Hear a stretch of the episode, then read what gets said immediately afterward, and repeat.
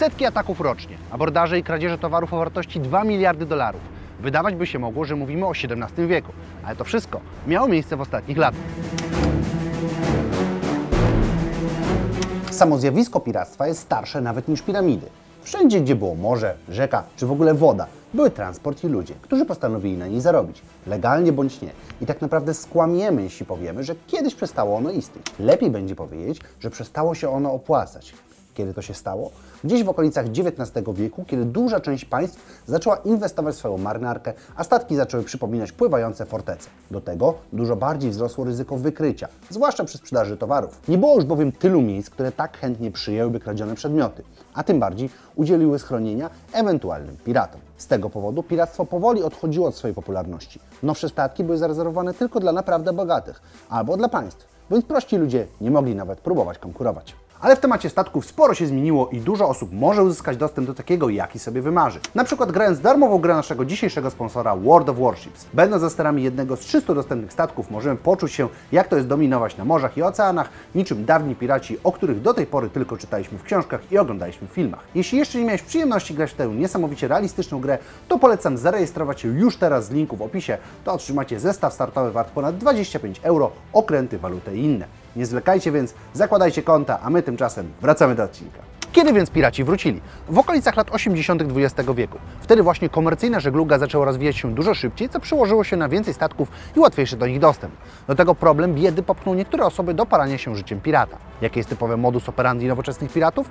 Wszystko zaczyna się na lądzie, gdzie znaleźć trzeba inwestorów, którzy gotowi będą zapłacić za paliwo dla statków i amunicję czy uzbrojenie. To stosunkowo niewielkie pieniądze zamykające się w 30 tysiącach dolarów.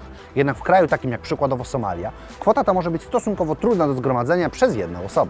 Gromadzenie środków może więc potrwać kilka miesięcy. Jednak w którymś momencie dojdzie do skutku, a wtedy rozpoczyna się poszukiwanie.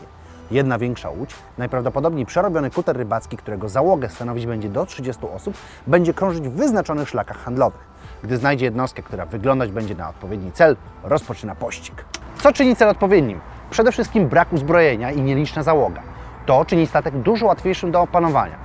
Co ciekawe, prawie wcale nie patrzy się na towar, jaki jest przewożony. Gdy oba statki znajdą się w sporej odległości od brzegu, kuter rybacki piratów wypuści dwa mniejsze statki, aczkolwiek pontony to lepsze słowo, na których znajdzie się oddział uderzeniowy. Za pomocą lin i drabin wejdą oni na okręt i przejmą go wraz z załogą, niszcząc przy okazji komunikację. To praktycznie zawsze będzie wyglądać tak samo i podobne metody możemy odnaleźć na całym świecie. Różnica pojawia się dopiero wtedy, kiedy spojrzymy, na czym zależeć będzie piratom. W rejonach Azji, w okolicach wysp Indonezji, głównym celem będzie towar, ze względu na istnienie dużej ilości wysp stanowiących dobrą kryjówkę i miejsce przeładunku. Kradzież np. 3 milionów baryłek ropy, co stanowi przykładowy towar statków przepływających w tamtych rejonach. Upłynienie takiego towaru to 12 milionów dolarów zysku. Wszystko wydarzy się w zaprzyjaźnionym porcie, który za odpowiednią kwotę popatrzy w inną stronę podczas rejestrowania na nowo skradzionej jednostki. Inaczej będzie, jeśli celem nie będzie towar, a załoga statku. W takim wypadku statek również pojawi się w zaprzyjaźnionym porcie, gdzie skontaktuje się z właścicielem całego okrętu i rozpocznie negocjacje. Mówimy tutaj o sumach zaczynających się od 15 milionów dolarów, a stawką jest też ludzkie życie. Proces ten jest długi, skomplikowany i trzymany w sekrecie, jako że żadnej ze stron nie zależy na ujawnianiu swoich kart. Ile mogą trwać takie rozmowy? Nawet do 400 dni, czyli ponad rok. Przykładem może być tu sprawa FV Prantalaj, którego czteroosobowa załoga była przetrzymywana od 2010 roku do 2015. W tym czasie za pomocą tłumaczy i wielu wykwalifikowanych negocjatorów ustalane są wszystkie szczegóły. Piraci stawiają się jako groźni, gotowi do działania i zdolni do zabicia załogi i zniszczenia towarów, a sama firma próbuje przedstawić się jako biedniejsza niż jest, by nie płacić aż tyle. Czasem firmy są ubezpieczone na taką ewentualność i wtedy rozmowami zajmują się właśnie one. Jednak spora część woli trochę oszczędzić i dlatego takich wydarzeń ani nie zgłaszają, żeby nie zatrzymać handlu na szlaku, ani nie zatrudniają wystarczająco licznych załóg, by móc pilnować okrętu na wodzie non-stop. Jeśli negocjacje się zakończą, a często kończą się one pomyślnie dla piratów, wtedy wypłacane są pieniądze. Szacunkowe dane mówią o tym, że 30% wraca do inwestorów, którzy zasponsorowali atak. 10% idzie do portu, który przyjął jednostkę do siebie. Reszta trafia do samych piratów. Jednak jak oni to dzielą, no cóż, wiedzą już tylko oni sami. Piractwo ewoluowało. Nowoczesne statki nie wymagały już kilkudziesięciu osób znających się na żegludze. Małe załogi w zupełności wystarczyły. Nie istniała też potrzeba walki, gdyż nowoczesna broń palna była dużo łatwiejsza w obsłudze niż szable czy armaty. No i statki, na które polowano, nie spodziewały się ataku, więc nie miały nawet jak stawiać oporu. W tym momencie piractwo kosztuje firmy zajmujące się handlem i podróżami morskimi od 4,9 do nawet 8 miliardów dolarów rocznie. Czy takie ataki są liczne? Tak, w 2019 roku było ich 162. To sporo, ale dużo mniej niż w 2010, kiedy było ich ponad 400.